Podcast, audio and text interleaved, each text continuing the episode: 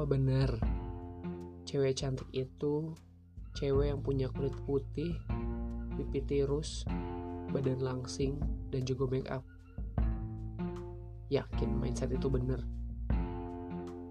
Atau jangan-jangan itu cuma mindset kebanyakan orang? Atau mindset kamu? Supaya bisa sama idealnya dengan cewek lain yang bisa jadi nggak lebih bersyukur daripada kamu.